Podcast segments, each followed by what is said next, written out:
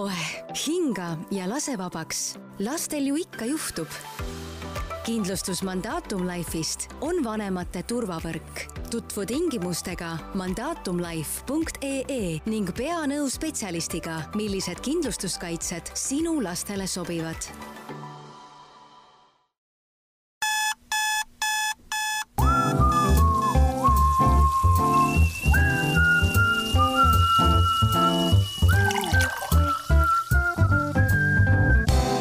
tere hommikust või hoopis tere päevast või tere õhtust, kallis kuulaja, millal iganes sul on võimalus täna meie podcasti kuulata.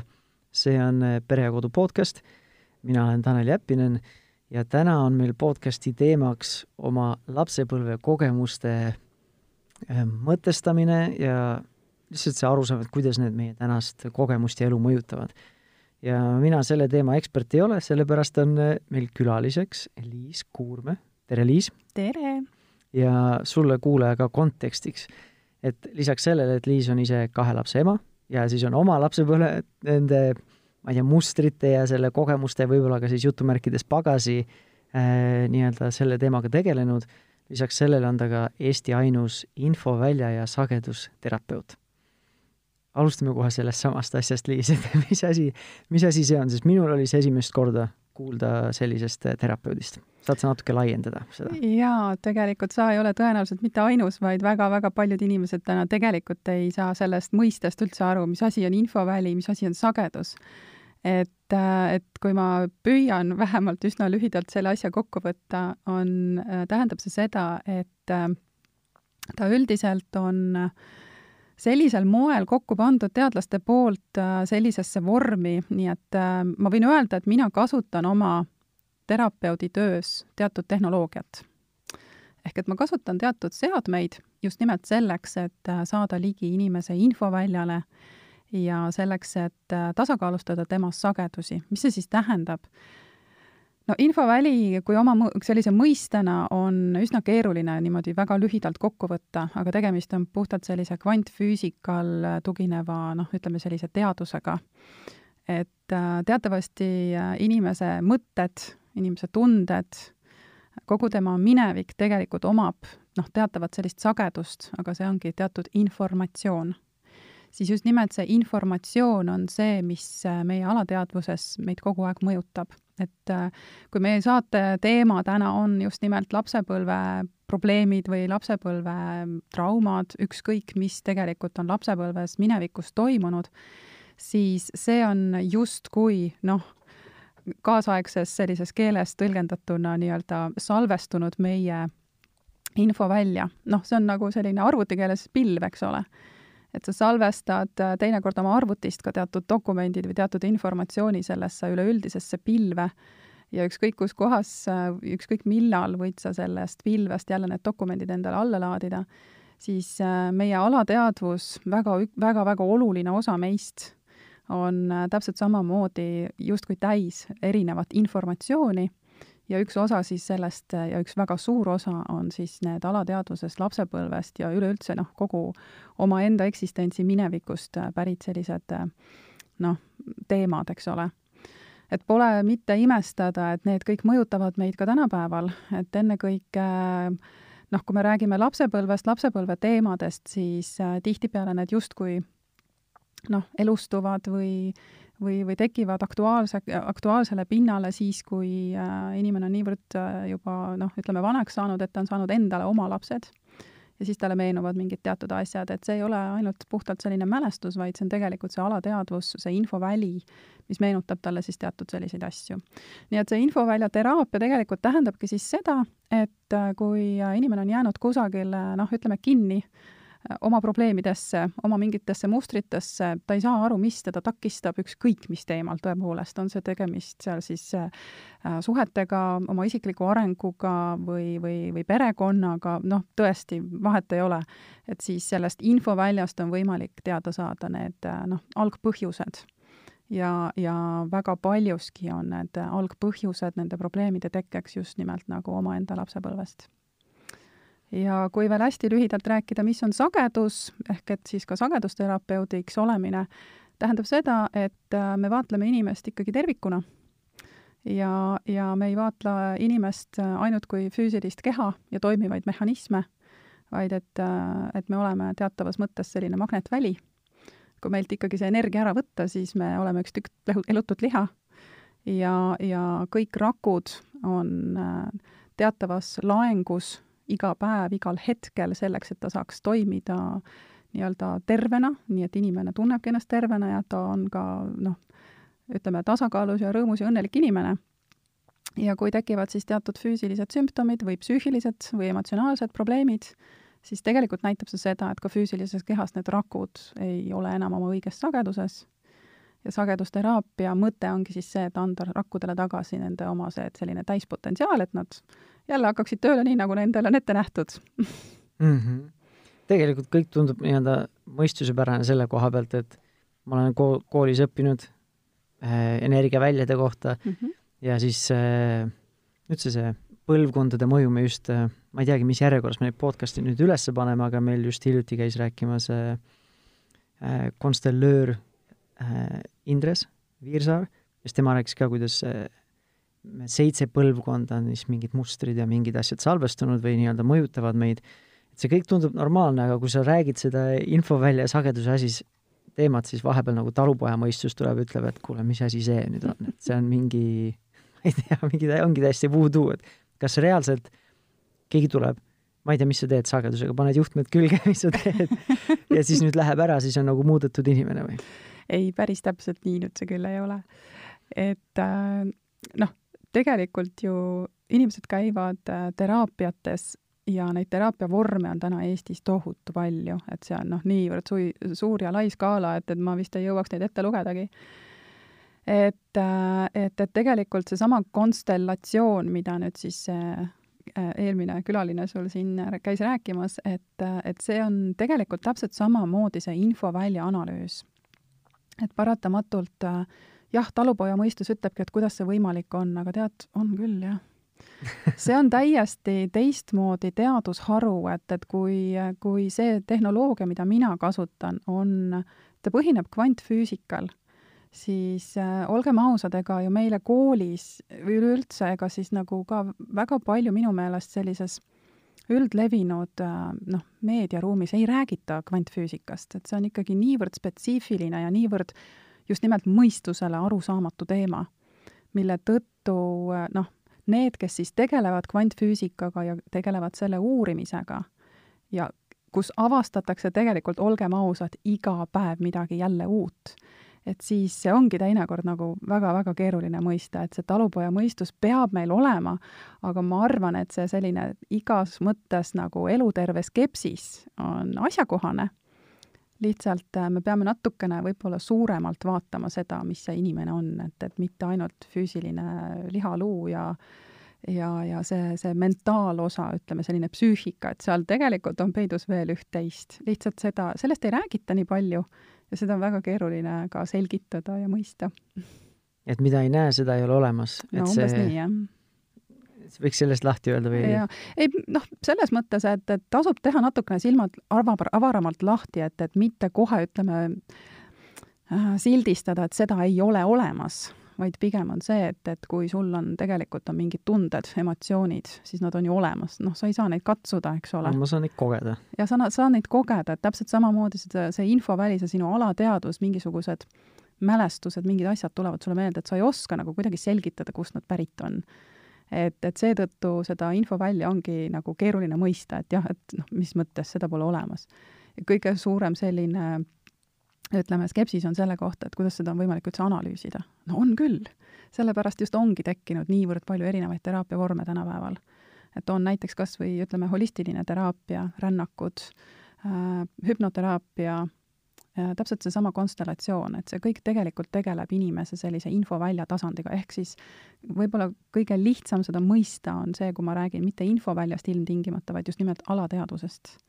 Ja alateadvuse konteksti on, on, on püütud selgitada ja, ja uurida palju-palju ja seal on väga palju uurimustöid tehtud maailmas, nii et äh, tasub lihtsalt vaadata natuke laiema pilguga sinna maailma ja, ja, ja, ja võib-olla sellest materiaalsest ja füüsilisest maailmast natukene sügavamale minna.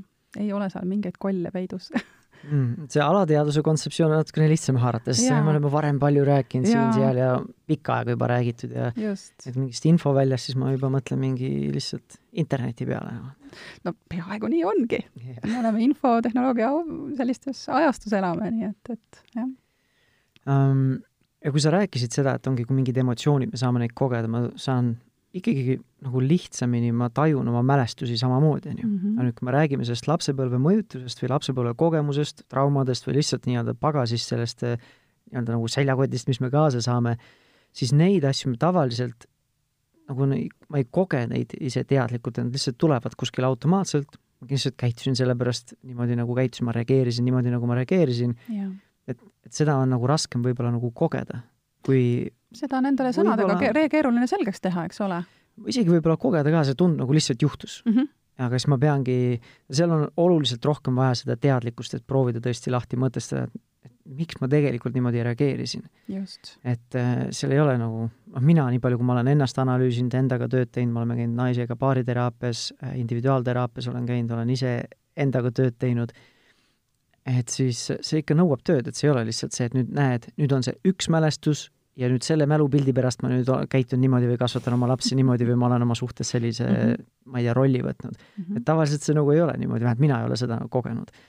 et ähm, et see on ikka kuidagi rohkem vajab, tundub tööd, aga ma ei tea, kas see on jälle õige suhtumine, et sa pead hullult vaeva nägema, et neid asju lahe, ära lahendada, on ju. ja selle koha pealt on sul täitsa õigus, et äh, mulle tundub üldse, et me oleme viimaste aastatega liikunud sellisest tohutu vaevanägemisest kuidagi nagu teistsugusesse arusaama ja maailmapilti.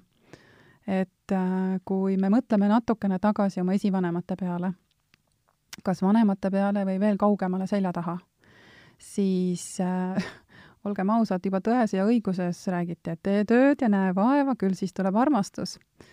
aga meie esivanemate, ütleme, kogu selline elukogemus ja kõik see, mis tegelikult siin ka on toimunud meie minevikus, noh, ajaloos, on pannud neid justkui võitlema omaenda elu eest ja nad ongi pidanud tohutult palju vaeva nägema. Nad ongi tohutult palju pidanud tööd tegema ja just nimelt mitte lihtsalt niisama, vaid selleks, et jääda ellu. noh, paratamatult me justkui kordame või elame läbi või kanname täpselt neid samu arusaamasid ka nii-öelda raku tasandil või raku mälus edasi. aga mida aeg edasi ja ennekõike ma võiksin tuua välja võib-olla viimased noh, mõned aastad, kus äh, mulle tundub, et inimkonnas tervikuna on toimunud kuidagi selline hästi suur äh, muudatus.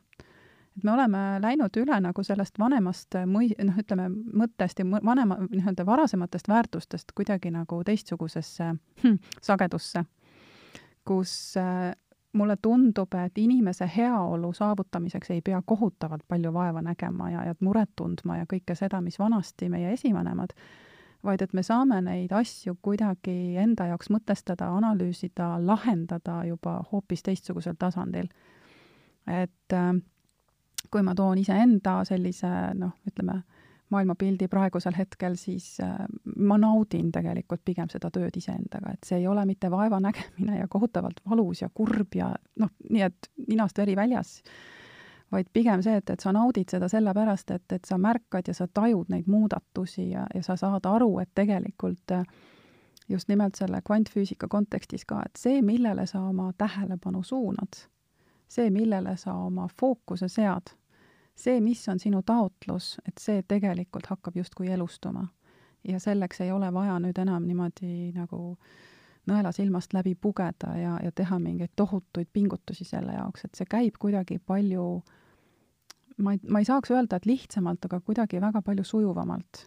nii et sa oled sellel muutuse ja, ja muudatuse protsessis hästi kohal ja sa tajud igasuguseid erinevaid väikeseid muudatusi ja, ja sa näed lõpptulemusena, et, et see noh, teekond ongi olnud justkui noh, selline mõnus ja mugav toimetamine, mitte enam selline vaevarikas töö äh, no ma ei mõelnudki seda, et nüüd on tõesti higimulje otsa ees ja Jah. nagu, ah, jälle peab sellega tegelema. ja, keegi peab sulle motivatsioonikõne pidama, et sa saaksid ennast kokku võtta, aga Mhm. aga see on, ta nõuab vähemalt aega. et sa pead aega ja sa pead nagu keskenduma mm. -hmm. sagedasti meil on keskendumisega probleeme, Mhm. on ju, Mhm. et, et seda, võib-olla tänapäeval on seda igav, igavust ka vähe nagu ajaliselt, lihtsalt meil ei ole aega, kus meil ei ole stiimulit mm. -hmm. et ei võta seda aega, kus ei ole stiimulit, et siis saaks selle tähelepanu siis sissepoole keerata ja mõelda ja vaadata. ja et see on nagu ühe koha pealt. ja no kui, palju sa ikkagi igapäevatöös selle teemaga kokku puutud, et ega inimesed, ma ei tea, kui palju inimesi tuleb, et kuule, mul on vaja oma lapsepõlvest sotti saada, et Liis, aita mind ei, tegelikult sellise küsimusega nad väga nagu ei tulegi minu juurde, sest ega nad ei tea, millest nende mustrid ja probleemid ja mingid takistused on pärit. et pigem, pigem nad tulevadki ja... seda küsima, et millest see pärit on ja siis ilmneb sellest samast infovälja analüüsist, et kuule, et tead, et sul on mingid teatud mõttemustrid ja uskumused, et see asi peab nii olema ja tõenäoliselt on see uskumus ja see nagu see käitumis- või mõtteviis olnud sul juba seal vanematel ja nii edasi, et siis tegelikult see alles siis ilmneb, et see on sealt pärit ja siis ta saab aru, aa, on jah, et kui ta nagu kerib oma mõttes tagasi juba omaenda lapsepõlve, et, et mismoodi tema vanemad käitusid, mis olid väärtushinnangud, mis olid sellised noh, väga konkreetsed sellised uskumused, üks või teine asi peab nii käima, siis sa võtad selle kuidagi nagu automaatselt lapsepõlvest ju, ju endaga kaasa, sest see on see nii-öelda see vundament, kust sa pärined, eks ole. et siis, siis, siis tegelikult vot just nimelt nüüd alles selgub, et jaa, see on nüüd tõesti see, see muster, mille ma olen omandanud, aga ega ma ei tea, kas mul enam seda enam vaja on ja siin on see koht, kus ta saab otsustada ümber mm. -hmm. ma olen nõus sellega, et, et lapsena põhimõtteliselt me olemegi nii-öelda, meie alateadvus on ilma filtrita, võtame kõik mm -hmm. vastu. me õpime, kuidas olla mees, kuidas olla naine, kuidas olla partner, kuidas olla armastatud, mis on armastus, mis on lähedus mm, -hmm. igasugused, igasuguseid mustreid õpime ja, ja ma ei tea, käitumisi ja, ja reaktsioone ja nii edasi aga nüüd mul ongi see skeptilisuse koht tulebki see, et keegi ütleb, aga lihtsalt ära ole enam siis siis on, ahah, okei okay,, nii lihtne ongi siis, olgu saadan lihtsalt mingi emaili kuskile või annan mingi taotluse ja nüüd ongi kõik ja enam ei ole probleemi.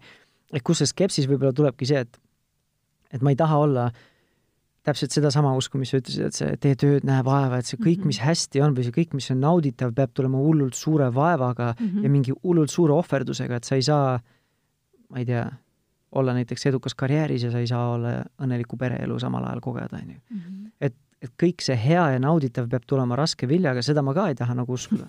aga teise koha pealt on see, et oled, on needsama need ratsarikkaks mingid skeemid, et siis kui keegi midagi nii lihtsast, lihtsalt nagu pakub, et see ei saa, see ei saa olla tõsi, et see saab nii lihtne olla mm. -hmm. et siis võib-olla see ei olegi tõsi, et see ongi liiga lihtne, et tõsi olla, aga võib-olla on siis jälle siis enda see uskumus, et juba see ise nagu saboteeridki enda seda progressi, on ju. loomulikult, me müüme endale igasuguseid asju maha.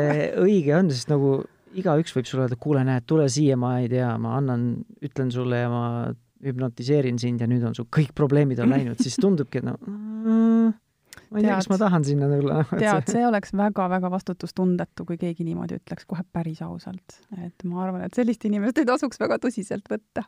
aga kus see, kus see keskne kuldtee siis on või kus see enam-vähem selline mõistlik, mõistlikkus seal vahel on et...? no vaata, nagu ma ütlesin, et, et inimest tuleks ikkagi vaadata tervikuna. ehk et äh, me ei saa minna sellele õhkõrnale teele, kus sa lähed justkui ühest äärmusest teise et me ei saa öelda, et, et teadlikkus ja teadlik olemine näiteks tähendab seda, et sa lähed nüüd ütleme mingisugusele väga sügavale vaimsele teekonnale ja sa unustad selle mõistuse hääle ära, ehk et sa unustad ära siin selles ühiskonnas elamise. Ähm, ma olen olnud enda teekonnal juba aastaid ja aastaid ja aastaid ja mida aeg edasi, seda rohkem ma näen, et tegelikult äh, noh, tänase sellise ühiskonna üleüldine probleem on see vastandumine et me kipume inimestena minema hästi palju äärmustesse ja siis me õigustame seda. ja see on see, mis tegelikult nüüd viib inimese pigem rohkem oma tasakaalust välja. ta ei saa enam kontakti oma selle päris olemusega. See päris olemus, mida ma selle all mõtlen, on see, et vaata, noh, mina usun ja, ja mõtlen selle inimese olemuse peale, et me tegelikult pärineme kõik loodusest ja, ja meil kehtivad teatud loodusseadused ja loodusseadus ei tähenda mingit udu-vuuduud, vaid äh, ta näitab ka seda, et, et, et inimesele on antud mõistus millegipärast talle on antud see mentaalne, see mõistuse osa, et jaa, me võime tunnetada oma hinges, oma, oma vaimses, ütleme sellises äh, olekus väga palju seda, mis on noh, ütleme, see on silmale nähtamatu, kõrvale kuulmatu ja nii edasi. et aga, aga me peame võtma nagu arvesse tegelikult nii selle tunnetusliku poole, nii selle vaimse poole kui ka selle mõistuse hääle, sest et me peame siin ühiskonnas sellisel moel ikkagi hakkama saama ja elama. et, et seetõttu me ei saa ka nagu minna omaenda isikliku sellise noh, analüüsimisega ja, ja ka kas või selle lapsepõlve tagasiminemisega noh, niivõrd äärmusesse ja, ja nüüd jäädagi sinna kinni ja, ja teha tööd nüüd ainult vot nii, nii, nii nende probleemide puhul, et et äh, need, ütleme, takistused või uskumused või mustrid, mis meile täna enam ei sobi, siis on aeg võtta nad justkui sealt nii-öelda oma seljakotist välja ja kõigepealt vaadata, et aga miks need uskumused ja miks need mustrid, miks need probleemid on meile olnud üldse vajalikud.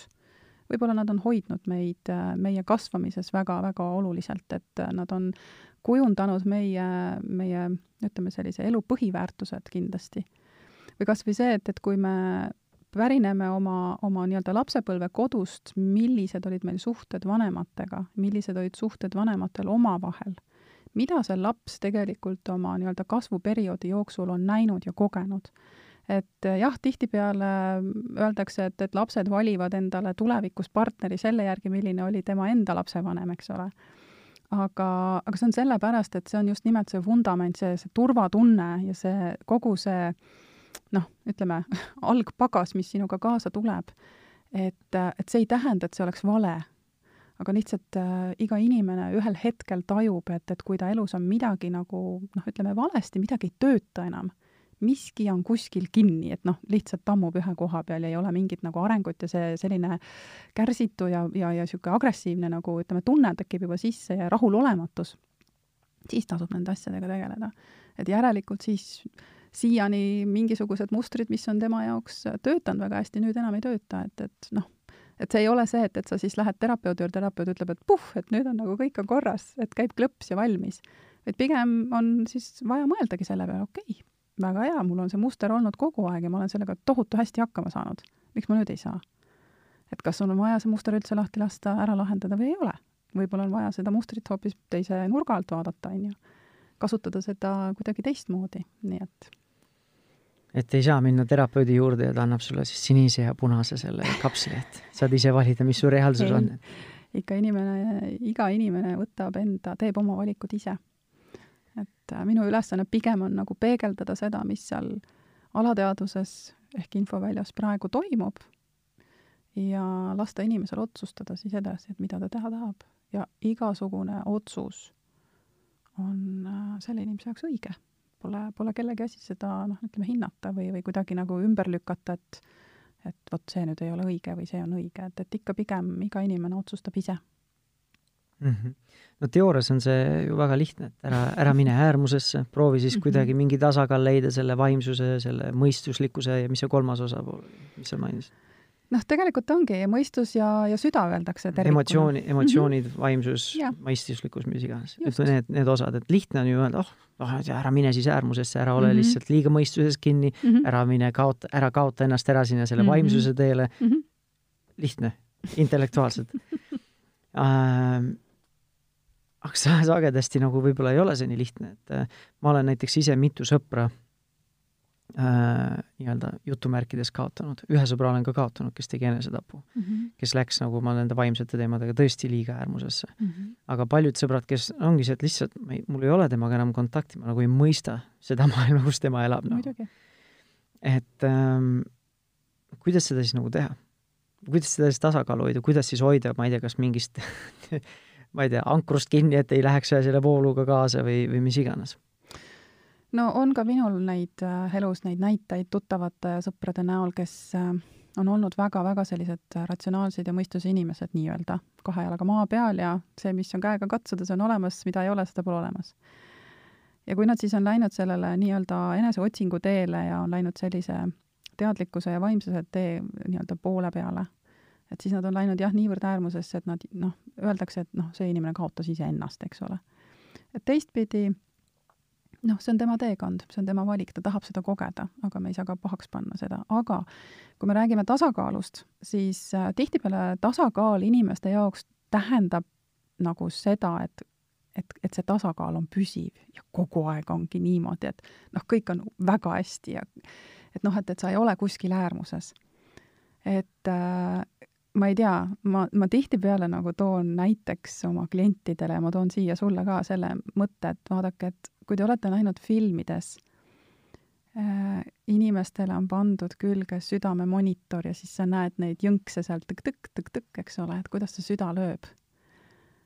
ja tead, et kui see, see kriips on seal selline väga nagu ühtlane, et ehk et noh, seal neid jõnkse enam sisse ei tule, mis siis saab inimesega? sureb ära et, et mulle tundub, et inimeste jaoks see tasakaalu leidmine tihtipeale võib tähendada seda, et see joon on niimoodi nagu sirge. aga see tasakaal tegelikult pigem minu mõttes tähendab seda, et me võime käia, olla vahetevahel rohkem selles vaimses pooles, vahetevahel rohkem selles nii-öelda maises, füüsilises, materiaalses pooles.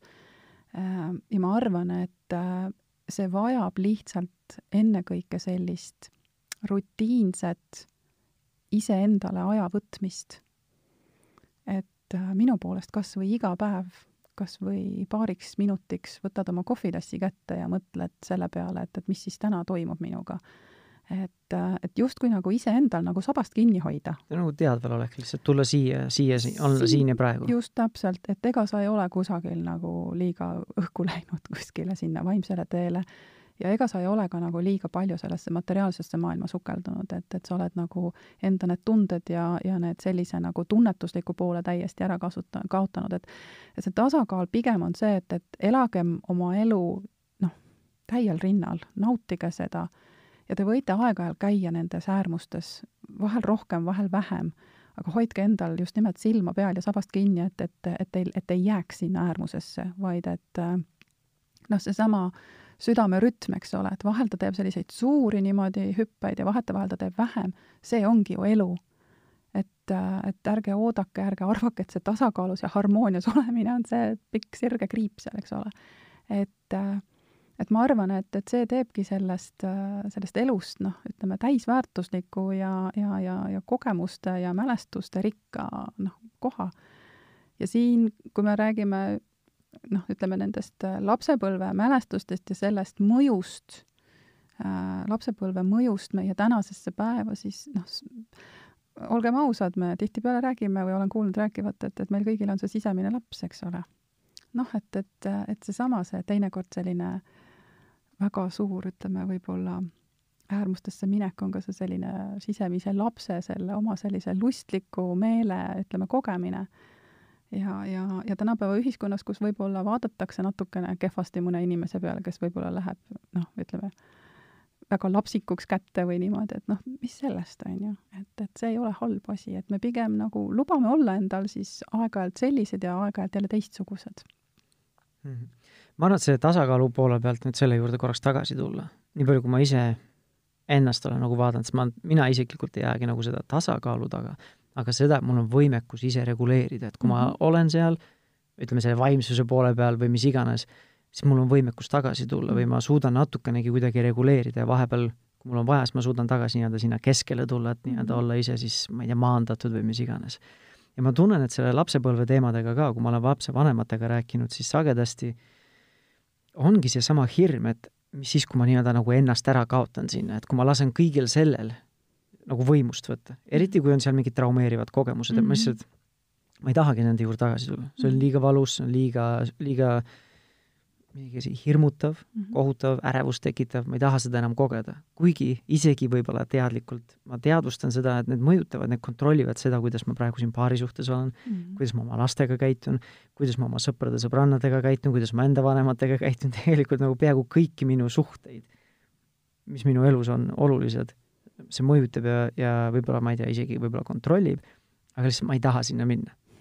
et ähm, ütleme, astun korraks siis tagasi see, et kas me üldse, kas kõik peaksid üldse tegelema nad selle lapsepõlve teemaga äh,. ja noh, näiteks ongi, kui keegi ütleb, aa, mul, mul lapsepõlves mitte midagi, no mul ei ole mingeid traumeerivaid asju, mis ma ikka tegelen sellega mm, -hmm. et see on mhm. jälle teine, teine nii-öelda näide, on ju. Mhm. et kas kõik peaksid sellega tegelema ja siis teine asi ongi, et kui sa oled siis nii-öelda ühes või teises jälle äärmuses, et see on liiga hirmutav või siis teine äärmus on see, et äh, no ei olnudki nagu midagi, mis ma ikka sellega tegelen mm. -hmm. et kas, äh, kuidas nendega, neid siis, kuidas sa nende inimestega siis suhtleksid teraapias või kuidas sa toetaksid neid või kuidas sa aitaksid ja suunaksid neid? no eks neid ongi olnud nii äärmusest äärmusesse, et, et nende viie ja poole aasta jooksul on, on olnud piisavalt selliseid erinevaid kogemusi. et äh, kui sa ütlesid ka seda, et noh, et, et, et, et mõni inimene tulebki ja ütlebki, et ai, mul oli lapsepõlv suurepärane, imeline täiesti, kõik oli super ja noh, mitte midagi ei juhtunud ega midagi. ja et mu vanemad olid toetavad ja koolis läks hästi ja no ühesõnaga kõik, kogu, kogu kupatus, puhas viis, eks ole. siis äh, see ongi väga hea, et ega inimese, ütleme, praegust olukorda ei pea ilmtingimata mõjutama mingi trauma, mingi negatiivne asi. aga pigem kogemused mis kogemusi ta on saanud ja võib-olla mida ta pealt on tunnistanud, et elu ei ole ja maailm ei olegi selline suur pehme roosa mull, on ju, vaid et seal on kõike. ja võib-olla seda on, see on hoopis teda ehmatanud mingil hetkel. ja, ja siis on need inimesed, kellel on, ütleme, väga-väga keeruline lapsepõlv olnud, aga nad on tulnud sellest välja, samal ajal praegu ikka need mustrid ja mingisugused hirmud ja ärevused nagu kimbutavad pigem äh, need inimesed, kes täna minu juurde tulevad ja, ja kellel ma näen, et jah, et lapsepõlvest on pärinevad, pärinenud mingisugused sellised väga olulised asjad, mis on jäänud lahendamata, siis kõige esimene küsimus on see, et, et, et kas nad üldse tahavad seda ära lahendada. kas nad julgevad noh, ütleme sellele probleemile või sellele mälestusele või sellele kogemusele nagu otsa vaadata või mitte? ma arvan, et nii palju, kui mina olen kogenud või kui ma iseennast paneksin sellesse olukorda, siis ma arvan, et väga paljud tahavad seda ära lahendada mm, -hmm. aga mhm. kas nad on valmis seda protsessi läbi tegema? täpselt. noh, minu ülesanne muidugi terapeudina on tihtipeale see, et, et öelda, et, et sa ei ole sellel teekonnal üksi, et sa nagu ei pea minema oma sinna kuskile selja taha varjude nii-öelda maailma kusagile mingit alateadvusest mingisuguseid kolle otsima üles ja neid sealt kapist välja võtma ja ära nagu saatma kuskile neid kolle ja asju on meil kõigil seal, absoluutselt kõigil, et, et, et vahel nad elavad seal rõõmsalt oma elu ja ongi kõik, eks ole. aga see koll tuleb sind piinama ikkagi, et kui sul on ikka mingisugune ärevus ja, ja sa ei saa kuidagi noh, sellega toime tuldud, võtame hästi lihtsa näite. inimesed, kes äh, kardavad pimedust näiteks, et tal ongi olnud lapsepõlves mingisugune hirmus kogemus, et ongi mingi koll nii-öelda olnud, eks ole, kapis on ta kuulnud mingeid hääli, et ta on olnud saanud teatud mingisuguse šoki äh, noh, magades öösel pimedas. ja see mõjutab siiamaani teda ja siis ta näeb ühel hetkel, et oi appikene, et minu lapsel on samasugune probleem, et ta kardab pimedust, ehk et see on justkui nagu mingis mõttes raku tasandilt talle ka edasi kandunud. et siis, äh, kui see ikkagi, see probleem häirib juba sinu normaalset elu, siis muidugi tasuks see ära lahendada. aga noh, mina ei vaata seda probleemi niivõrd, noh, ma ei lähe nagu kaevama seda probleemi sealt, et noh, lapsepõlves nüüd juhtus see asi, et noh, jube jama, eks ole, et, et keskendume nüüd sellele, vaid pigem see teraapia ja selle infovälja ja sageduse mõte on selles, et okei okay,, oli trauma, oli mingi jama, oli mingi probleem, noh, tõesti sellisel väga-väga, ütleme, ehmatav ja, ja traumeeriv. aga mis sa siis selle asemele tahad? siin muutub juba mäng hoopis teistsuguseks, et selle probleemi ja selle mure või selle mustri lahendamine toimub hoopis teistsugusel moel siis juba. et kui inimene teadvustab, et jah, tal on äh, mingi muster ja tal on mingi trauma, tal on vaja see ära lahendada, siis me ei lähe sügavuti selle sisse enam. vaid me teadvustame, et see on olemas, heakene küll, aga noh, nagu ma ütlesin alguses, et kvantfüüsikas öeldakse ka, et see, millele sa oma tähelepanu viid, see, millele sa fokusseerid ennast, see hakkab nii-öelda no kuidas ma ütlen, elustuma või? et see hakkab nagu muutuma. et seetõttu me ei pööra oma tähelepanu teraapias mitte enam sellele traumale või sellele probleemile või sellele mustrile, vaid täpselt vastupidisele. ja inimene hakkab sellega tööle. nii, ja kui ta järgmine kord pimedas on? no vot, siis on need, nüüd need kodused ülesanded, mida ma tavaliselt oma klientidele annan. et äh, ma ei hakka neid koduseid ülesandeid yeah. siin sellisel moel nagu ette lugema, aga aga pigem on see, et, et kui sa kardad täna pimedust, siis noh, väga selline teistmoodi mõtteviis on siin see, et aga et vaata, kui sa ei tea, mis on pimedus, et ega sa ei tea ka, mis on valgus, et noh, et, et me elame duaalses maailmas. et kui pimedus on olnud mingi väga negatiivne kogemus, sa kardadki pimedat ja sa näed, et näed, et su laps ka kardab pimedat, siis siis olegi seal pimedas. pane, nii-öelda astu oma sellele mälestusele siis korraks uuesti vastu.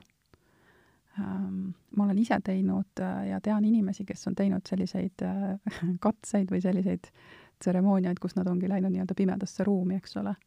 istuvad seal mingi teatud perioodi ja noh, siis ongi seal alguses kohutavalt hirmul ja lähevad paanikasse. aga on teatud sellised head nipid, kuidas ennast päris kiiresti sellesse hetke ja sellesse tasakaalu, sellesse rahuseisundisse tagasi tuua. Ja noh, põhiteema, millest ma räägin alati, on hingamine et kui sa ei hinga, siis, siis, siis, siis sa noh, siis sa ei ela, eks. sellest räägivad ka konstellöörid alati, et, et kui klient istub tooli peal ja vaatad, et ta hingab pinnapealselt, siis noh, minultki on küsitud, kuule, kas sa ikka elada tahad või ei taha. et kui sa lähed oma pimedasse ruumi ja sul on kohutav hirm, et siis esimene asi on see, et hakka hingama. hakka hingama ja esiteks saab su keha hapnikku, teiseks sinu närvisüsteem rahuneb maha ta lihtsalt rahuneb maha, inimene, inimese füüsiline keha on lihtsalt sellisena loodud. rahulik sügav hingamine rahulik, rahustab sügav... seda parasümpaatilist süsteemi. täpselt, just nimelt, et see on niivõrd noh, loogiline ja lihtne viis, kuidas esimene samm nii-öelda astuda sellel teel. ja siis vaatame kõik edasi asja, muud asjad, mm. on ju. ja kui tahad, siis on edasi minna veel on, ma ei mäleta, mis need on kus inimesed on mitu päeva järjest pimedas toas kuskil. no jaa, mõni äärmusest ei läheks, aga ma arvan, et piisab kas või noh, ütleme sellisest noh, mingisugusest lühikesest perioodist, minu poolest kas või tund aega, eks ole, et, et mm, -hmm. et noh, et proovi ja katseta, et äh, noh. see on lihtsalt teine äärmus, et need inimesed ei tee seda hirmu, äh, pimeduse hirmust mm -hmm. ülesaamiseks mm, -hmm. vaid pigem ongi, et võimendada kõiki oma teisi meeli ja mm -hmm. olla iseendaga ka pimedas, sul ei ole stiimuleid mingeid ja nii edasi. just, täpselt aga seda pimeduse nii-öelda pärandumist ma tahaks natukene nagu ma ei tea, kas testida, mitte päris vastu vaielda, aga see, et kust nagu vahe tuleb sisse, et kas ta nüüd taas pärandub raku tasemel edasi nii-öelda mm geneetiliselt või lihtsalt see, kuidas ema tegelikult lapsega suhtleb ja kuidas mm -hmm. ema ise pimedusse suhtub iga kord, kui mingi elekter ära läheb, kui laps näeb ja kogeb, kui ärevaks ema muutub mm, -hmm. Järelikult mina pean ka ärev olema, sest äh, kui ema on ärev, ma pean mm -hmm. ennast orienteerima ema järgi, sest see on see, kuidas ma ellu jään ju. noh, tegelikult see ongi raku tasandil edasiandmine, sest ta kogeb seda, mida ema kogeb, et selle koha pealt jah, sul on õigus, on ju. et see laps justkui võtab omaks kõik selle, mis on noh, nii, nii-öelda võtab omaks selle, mis on emal, on ju et kui ema kardab ämblikke ja putukaid, siis tegelikult äh, laps näeb seda ja ta võtab selle omaks, et see ongi nii-öelda raku tasandil eda-, nii-öelda ülevõtmine. et kui seesama ema laps nüüd lapsendatakse ja tema peres seal ei karda keegi pimedust, et kas ta siis ise, kas ta ikka kardab seda pimedust no või ei karda? no vot, see on küsimus, et, et tegelikult ju noh, see sõltubki lapse ja selle lapsevanema omavahelisest noh, mina ütlen energeetikast, ehk et kui lähedased nad on kuivõrd seotud nad on ja mitte ainult nüüd see, et, et noh, et, et kas sa oled iga hetk selle lapse kõrval lapsevanemana või mitte, aga et et, et see on selline natukene sügavam suhe, mis siis juba lapse ja selle vanema vahel on, et, et kui palju see laps tajub, sõltub muidugi vanusest, aga teatavasti mida noorem, mida väiksem see laps on, et seda rohkem ta tajub seda, mis vanematega toimub ja, ja, ja siis ta nii-öelda haarab ja imab seda nagu švamm, kõike seda, mis siis lapsevanemaga toimub ja mismoodi ta reageerib. no juba evolutsiooniliselt, mida noorem mm -hmm. laps on, seda rohkem ta sõltub, tema ellujäämine sõltub täiskasvanud inimesest. ma tahaks natukene ühe teise nii-öelda sellise teema siia üles tuua. et ähm, kui vaadata näiteks väga palju tõesti väga-väga edukaid, hüperedukaid inimesi, olgu nad spordis, olgu nad meelelahutusäris, kus iganes mm. -hmm. Ähm, väga paljudel, mitte kõikidel, aga paljudel nendel on olnud võrdlemisi traumeeriv lapsepõlv. ja, ja siis sealt kohalt ma olen ise kohtunud ka edukaid inimesi, näiteks ütleme, karjääris edukaid inimesi, kes siis äh, mingil määral nagu õigustavad seda, et noh, sul on raske lapsepõlv, siis see ongi see, mis mind tegi edukaks äh,. otse kui õigustusena selleks, et nüüd ma olen iseenda lapsega ka ülemäära siis järsk või karm või karistav ja nii edasi, et õpibki nii-öelda olema tugev, õpibki läbi minema eluraskustest, õpibki ise mida iganes, ületama neid asju, et, et mina olen see, kes ma olen ja ta ise näeb ennast edukana, võimekana, mis iganes tiitleid või omadussõnu tahab sinna külge panna, et järelikult see on see koht või see on see viis. et see nii-öelda pehme või nii-öelda see, mis nagu pehmed oskused, et nii-öelda ütlesin, et mingil määral see oma lapsepõlvega tegelemine mul oleks ka nagu pehmeks kogemuseks. et kõikide nendega tegelemine, see on selline mingi uina-muina, mingi voodoo, et seda ei ole vaja käega kuklasse, mis nüüd, söö ära mingi mm. -hmm. kuidas sa seda adresseerid või kuidas sina suhtud sellesse? noh, tegelikult äh, igal inimesel on oma voli ja vaba, vaba tahe nagu otsustada mismoodi, mismoodi ta oma lapsi kasvatab. kuni see ei lähe lastekaitseseadusega jaa, just, kuni ta ei lähe kriminaalseks päris. aga jaa, ma olen selles mõttes täitsa nõus, et neid näiteid on küll ja veel maailmast ja, ja meil Eestis ka, kes on tulnud nagu oma sellisest väga võib-olla raskest ja karmist ja sellisest kõvakäelisest kasvatusest välja sellise tohutu eduka ja tohutu sellise noh, ka nii-öelda kõva käega ja, ja motiveeritud ja, ja eduka inimesena. see on olnud tema kogemus. Teda on niimoodi kasvatatud. kui see on tema uskumus, et niimoodi kasvataksegi ja kasvatataksegi Äh, noori inimesi, lapsi edukateks, siis see on loogiline, see on niivõrd loogiline, et, et ta teeb seda täpselt sedasama oma lastega ja need omakorda oma lastega. kuniks ta ei ole näinud, et äh, ka nii-öelda pehmemate viisidega ja selliste pehmemate lähenemis, lähenemistega, nagu on võimalik täpselt sedasama teha, on ju aga see, kui inimene niimoodi on kasvanud ise üles ja, ja õpetab ja kasvatab seda noh, samamoodi edasi, siis kelle asi see on seda hinnata või anda hinnangut, et kas see on õige või vale. see lihtsalt on tema jaoks see õige ja ainuviis ja, ja ongi kõik, sest ega tal ei ole ju teist kogemust. see on kogemuspõhine ikkagi, eks ole. Nüüd tihtipeale öeldakse seda, et noh, mis me tänapäeva ma noh, ütleme siis ühiskonnas on, on väga tavaks saanud, on see, et lapsed on pandud meeletult palju juba enne kooli minevast igasugustesse eelkoolidesse ja trennidesse ja kursustele ja siis ja siis, kui kooli minnakse, siis noh, tambitakse selles mõttes kõikvõimalikud erinevad huvitegevused sinna kooli kõrvale, et, et et noh, siis tast saab kindlasti selline edukas ja toimiv ja, ja, ja veel ka tal ei ole noh, nii palju vaba aega, et tegeleda mingisuguste nii-öelda lollustega, eks ole. Aga noh, mida ma näen, et just nimelt siin ka minnakse täna hästi palju äärmustesse, et lapsel just nimelt ei, lapsele ei ime, ei õpetata enam seda laisklemise või seda igavuse aega. et, et, et noh, jällegi, aga kelle asi on seda hinnangut anda? et ma näen ise seda, et, et kui laps on ikka noh, tõepoolest täiesti kurnatud ja väsinud absoluutselt kõigest, et koolist ja õppimisest ja siis kõikidest huvitegevustest, mis talle igapäevaselt on nii-öelda justkui pandud, et ta võib seda nautida, aga ühel hetkel ta lihtsalt äh, väsib ära.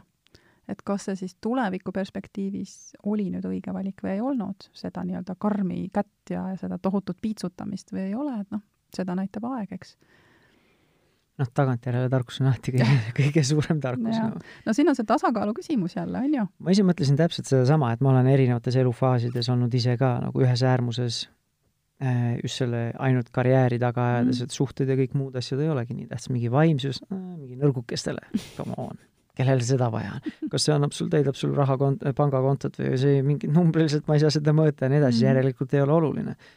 et ma ise tunnen ka, et, et see on nagu selles mõttes see tasakaalu küsimus. -hmm. ja nendele, nendes eluperioodides, nii kui ma iseenda elule tagasi vaatan, siis ma saan öelda nüüd tagasi vaadatuna, et ma ei olnud iseendaga ka heas kontaktis, et see ei ole isegi nii-öelda see tasakaal, et mingi vaimsus ja see, aga ma ei ole iseendaga tegelikult äh, kontaktis. ma aja, elasin mingit muud elu, kus ma olen mujalt väljast keskkonnast võtnud mingid standardid, mingid äh, viisid, mis on tähtis, mis ei ole tähtis.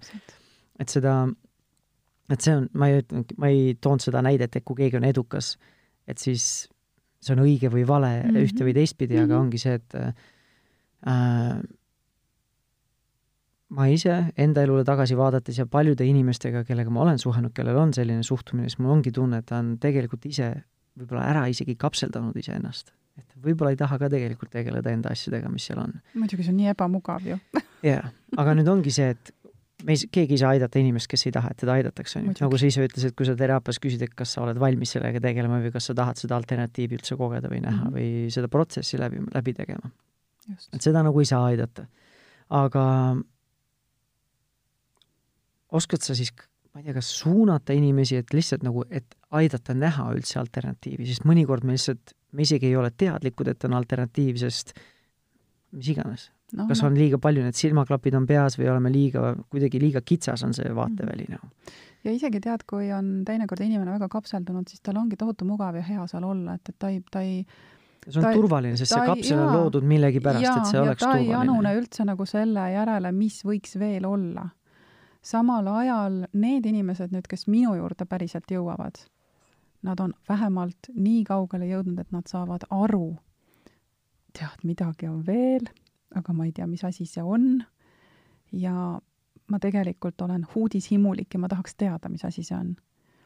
et kui sa oled juba noh, nii kaugel, et, et sa saad aru, et jaa, et tead, et see mõtteviis, mis sul on kogu aeg olnud ja ja, ja noh, tõepoolest väga paljud inimesed, kes tulevad, ongi näinud oma elus hästi palju seda nii-öelda numbrilist poolt, et, et kui ma, miks ma peaksin mingisuguse uhuu ja voodoo asjaga tegelema ja vaimsuse teemaga või, või oma, oma eneseanalüüsiga tegelema, kui see ei kajastu näiteks noh, seesama minu pangakontol, on ju, siis see on ka täiesti okei okay ju, see on, see ongi tema valik, on ju, see on see, mis loob temale selle tema maailma, tema turvatunde, tema tasakaalu mingil määral e- väärtustunde ka. täpselt, et äh, see ei ole kuidagi vale, aga, aga noh, aeg ja elu näitab täna, ühiskond näitab täna, et on hästi suur vajadus millegi enama järele. ja see miski enam äh, on äh, teinekord inimestele tundmatu. Nad kardavad seda, nad pigem puht suhtuvadki sellesse skeptiliselt, skeptiliselt, eks ole, sest et meil lihtsalt on ümberringi niivõrd palju neid äärmuslikke näiteid aga noh, siin on jälle noh, selline ütleme, enda tunnetuse küsimus, et, et kui palju sa julged oma sellest kapslist ja sellest mullist nüüd natukene välja tulla. et kui hirmus seal siis see mingi teine variant veel võib olla. no seal on ka, et kui mingil hetkel kogeda, need panganumbrid ei ole see, mis tegelikult nagu annavad seda väärtust, kui iseendale peeglis Mhm. otsa vaatad. et siis võib-olla on midagi muud. See on ühelt poolt. Mhm. teiselt poolt jälle, kui sa ütlesid, et tänapäeva ühiskonnas inimesed nagu rohkem, ma ei tea, avanevad kui nendele vaimsetele teemadele, siis on jälle küsimus, et kas tegelikult inimesed avanevad või see on jälle mingi meedia mõjutus. See mingi alternatiivmeedia räägib, et see on see, see on see, kuidas sa Jaa. nüüd raha ei ole sind õnnelikuks teinud, aga nüüd on see, see on see, mis sind õnnelikuks teeb, see on jälle, keegi lihtsalt müüb sulle mingi idee maha ja ise ka ei saa aru. täpselt see väline mõjutaja on täna noh, ütleme võtmesõna tegelikult. et äh, ma olen ise teinud enda peal katseid ja, ja väga paljud kliendid, kes täna mulle tagasisidet annavad, on, ütlevadki seda, et noh, tegelikult lõppkokkuvõttes, mis minu probleem oli probleem oli enamasti üheksakümmend üheksa protsenti üks ja seesama, ma kaotasin kontakti iseendaga juba ammu-ammu-ammu-ammu aega tagasi. mis tähendab, see tähendabki siis seda, et ta on olnud meeletu infomüra käes. ja see infomüra on ju täna ennekõike meie sõbrad, meie tuttavad, raamatud, mida on ju tohutult palju, kõik muudkui peaksid lugema, eks ole, siis meedia, alternatiivmeedia, sotsiaalmeedia, noh, eks ole, kõik on ju rikkad ja ilusad ja pildide peal kol-, kümme korda kenamad kui muidu. et okei okay,, see oli selles mõttes nagu väga selline üldistatud, eks ole, nimekiri, aga inimene kaotabki kontakti selle omaenda tõelise vajadusega ja, ja loomusega siis, kui ta ongi sellest välisest niivõrd palju mõjutatud. Rääkimata sellest, et see väline mõjutaja on olnud ka ju meie lapsepõlv. meie vanemad, meie haridussüsteem, kes ütleb, et vaata, nüüd peab nii ütlema, siis sa saad viie ja kui sa ei ütle nii, siis sa saad kahe ja kui sa ütled kahe, sa saad kahe, siis sa oled läbikukkuja, kui sa oled läbikukkuja, siis sa ei saa enam elus edasi ega hakkama. et sulle antakse nagu teatud standardid ja normid ette ja, ja sa nende normide järgi püüadki siin ühiskonnas hakkama saada, aga tihtipeale inimene avastab, et täitsa lõpp, tead, need normid üldse noh, ei, ei kehti minu jaoks. Nad ei olegi need, mis tegelikult noh, teevad minust minu. ja, ja nüüd nad tahavad sellest oma sellest normidest ja, ja kõikidest nendest nii-öelda piirangutest, mis nad endale on kenasti sinna ümber sättinud, et nad tahavad sealt välja tulla natukene nina välja pista ja vaadata, äkki välismaailmas ilma selle infomürata on, on veel midagi põnevat. aga see välismaailm on äh, siis tegelikult täpselt vastupidine protsess, inimene läheb iseenda sisse. Esimest korda üle pika aja vaatab, et oh, päris äge inimene. loodetavasti. jaa, no see mitte loodetavasti, vaid see on kohe noh, kohe kindlasti niimoodi. aga selleks on äh, vaja aega, selleks on vaja just sellist aega, kus ei ole sisendit. ja tänapäeval kipub seda vähe olema. nii meil endal, täiskasvanutel, kui ka tundub ka lastel. ja selle sisendi sellise, ma ei tea, kas isegi võib-olla sisendi sõltuvus on lihtne jääda, et on mm. -hmm. alati vaja sisendit, sest kui mul on igav, siis ma ei oskagi olla. Mhm. Ja, ja ma arvan, et sellesama lapsepõlve teema tegelemisega ka, et selle jaoks on ka samamoodi aega vaja. et kui ma lähen lihtsalt kuskile terapeudi kabinetti, käin see kolmveerand tundi, poolteist tundi ära mm. -hmm. ja siis vahepeal mitte midagi ei tee ja olen kahe nädala pärast või nädala pärast tagasi, kas see aitab noh? kindlasti mitte aus vastus. et äh, kui kellelgi on selline mõte, et ma tunnen, et ongi tegelikult, on mingid sellised mustrid, millest ma ise ei ole sotti saanud ja lihtsalt kontrollivad ja mõjutavad minu suhteid, minu käitumisi mm, -hmm võib-olla isegi minu enda suhtumist iseendasse, kuidas ma endaga suhtlen. Äh, mis su soovitused siis on, kust ala, alustada seda nii-öelda sasipundart harutama? tead, soovitusi võiks ju olla hästi-hästi palju, aga võib-olla kõige lihtsam ja kõige sellisem, ma arvan, et loogilisem asi, millest võiks alustada, on see, et äh, kõigepealt üldse aru saada, et mi-, mida sa nagu üldse tahad mis on siis selle olemasoleva probleemi või olukorra noh, vastand. kuhu sa tahad minna siis? kui spetsiifiline see olema peab, kui ma ütlen, siis ma tahan, mu elu oleks hea ma tahan õnnelik olla. tead, mida täpsem, seda parem. sellepärast, et äh, kui sa ütled, et lihtsalt hea, siis see on ainult noh, ütleme mingisugune hinnang.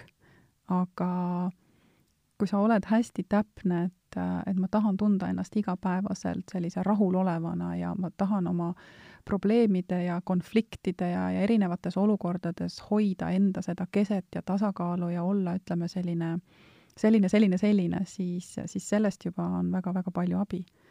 ehk et pigem nagu see on, see on enesearengu kontekst tegelikult siin, on ju. et, et milline, millisena sa näed iseennast, mis on see taotlus aga noh, üksinda teinekord inimene ei saagi sellega hakkama, sest et see, mis, mida ma näen oma klientide puhul, on see, et, et nad ei oska seda sõnastada. Nad ei, kas ei, ei oska seda sõnastada või nad ei, tegelikult noh, ongi, kui keegi ütleb mulle, et nüüd, mida sa tahad üldse elult, ja kui ma nüüd siin, siin pean kohe vastama, kui ma ei ole varem sellele mõelnud, siis ma ei oskagi midagi ei vastata. aga nüüd, kui ma võtan näiteks, ma ei tea, nädalavahetuse lähen matkama metsa mm -hmm. üksinda mm, -hmm. ei võta telefoni kaasa või võtan, aga panen nii-öelda lennukirežiimile, et ma ei mm -hmm. ole seal telefonis, on ju mm. -hmm. istun seal lõkke ääres, vaatan seda lõket, kuulan linnulaulu, vaatan enda sisse mm, -hmm. siis võib-olla pärast seda juba on natuke rohkem mul mingeid mõtteid no.. täpselt, sinnamaani, sinna ma tahtsin ise ka jõuda, et see noh, mida mina alles nüüd märtsi alguses tegin, oli see, et ma läksin nädalaks ajaks üksi metsa eraldusin kõikidest inimestest, et ma tahtsin, et ma nädal aega ei näeks füüsiliselt mitte ühtegi teist inimest, et okei okay,, et noh, keegi ei pea nagu nii radikaalseid nii-öelda asju ette võtma, aga seesama, et, et kuna ma ütlesin juba siin mingi aeg tagasi, et me pärineme kõik loodusest ja looduses on kõik selline rahuseisundi ja, ja tasakaalu ja selline sagedus on seal olemas siis hästi-hästi äh, vajalik meile kõigile on tegelikult äh, viibida looduses, puhtas looduses niivõrd palju nagu, nagu noh, nii nagu võimalik. ja, ja minu isiklik soovitus palun vaadake, kui te veel ei ole näinud, või vaadake uuesti Fred Jüssi filmi, mis oli alles talvel siin kinodes. Fred Jüssi ütles, et tegelikult inimesed on kaotanud ära selle mõtestatud lugelemise või, või sellise nii-öelda laisklemise. et äh, sellest, seda, sellest aru saada, et seda mõista, on vaja seda mitu korda vaadata. et seesama mõtestatud laisklemine, logelemine ei tähenda seda, et sa mitte midagi ei tee, vaid see vastupidi just tähendab, et sa teed väga palju iseenda heaks, sa oled, sa õpid ennast tundma, sa tajud enda sees palju rohkem seda, mida sa, ütleme siin, igapäevastes tegemistes, töödes, linnas liiklemises nagu noh, sa ei taju. et, et see, see film, vaadake, soojalt soovitan, et seal on väga palju selliseid häid mõtteterasid mm. -hmm. et lisaks Fred Jüssi filmile oli hea, üks, üks asi, et sõnastada seda, mida sa tahad. mida sa selle asemel tahaksid. ja pööra oma fookus just ja tähelepanu sellele, et vaata, kas on igas päevas midagi sellist, mida sa saaksid teha, et seda tähelepanu, et seda taotletud tulemust noh, nagu saavutada, et mis on need sammud, eks ole. see on mm -hmm. nagu eesmärgistamine ikkagi. siis teine oli natukene minu sisendiga oli see, et, et ole iseendaga, lihtsalt ole omaette. ilma sisendita, lihtsalt ole, vaata sisse, püüa vaadata, tegele endaga, vaata, mis, kes sealt siis äh, vastu vaatab. ja kui sa ei oska seda, siis võta abiliseks kas või äh, mingisugused hingamistehnikad või meditatsioon või palvetaminegi, eks ole, et vahet ei ole, et noh, et sa lihtsalt lähed kuidagi mingis mõttes nagu vaikusesse. Mm, -hmm. lihtsalt oled vaikuses, iseenda vaikuses. Juhendatud meditatsioonid võiksid ka aidata? muidugi, aga noh, enamus, kes täna ütleb, ma ei oska mediteerida, kuule, ega see meditatsioon ei tähenda seda, et sa nüüd istud tund aega ja ütled zen või om või midagi sellist, see, minu jaoks on meditatsioon täpselt seesama, see metsas mingisugune tunnine matk, eks ole, kus sa kuulad linnu häält ja, ja oled lihtsalt siin nüüd ja kohal, see on meditatsioon, et, et ärge arvake, et te peate hakkama mingit tehnikat siin kasutama nii väga. see on see, et ma mediteerin ainult siis, kui mul ei ole ühtegi mõtet, no siis ma ei tea, kas ei, keegi ei, üldse mediteeriks meist, et no just, et ei tasu selliseid asju võtta nagu üks-ühele, et mida sa kuulnud oled, kuidas see peaks käima, et pigem leia enda jaoks selline hea võimalus olla vaikuses lihtsalt mm. -hmm. on veel mingeid mõtteid, kuidas siis äh, hakata arutama seda lahti, seda lapsepõlvepagasit? ma arvan, et äh, selline üks oluline märksõna siin veel, mis jäi võib-olla kas kas veel ütlemata või, või vähemalt ma tahaks toonitada seda, on see, et äh, see, millisest äh, lapsepõlvekodust sa pärined, see, milline su minevik on olnud, ei tohiks kindlasti määratleda ja identifitseerida sinu tänast seisu niimoodi, et sa võtad selle mineviku justkui õigustuseks endale, et või et see on fikseeritud, et seda ja, ei saa muuta? ja, ja, ja noh, seda väga paljud täna teevad, aga selle üks kõige sellisem üldisem noh, ütleme, selline natukene nagu haiget tegev sõna on siin see vastutuse võtmine. inimesed mitte ei taha vastutust võtta, vaid nad ei oska võtta vastutust. ja mida aeg edasi, mida rohkem ma vaatan täna noori inimesi, nad päriselt, nad ei oskagi võtta vastutust, sest et vanemad võtavad nende eest niivõrd palju vastutust endale.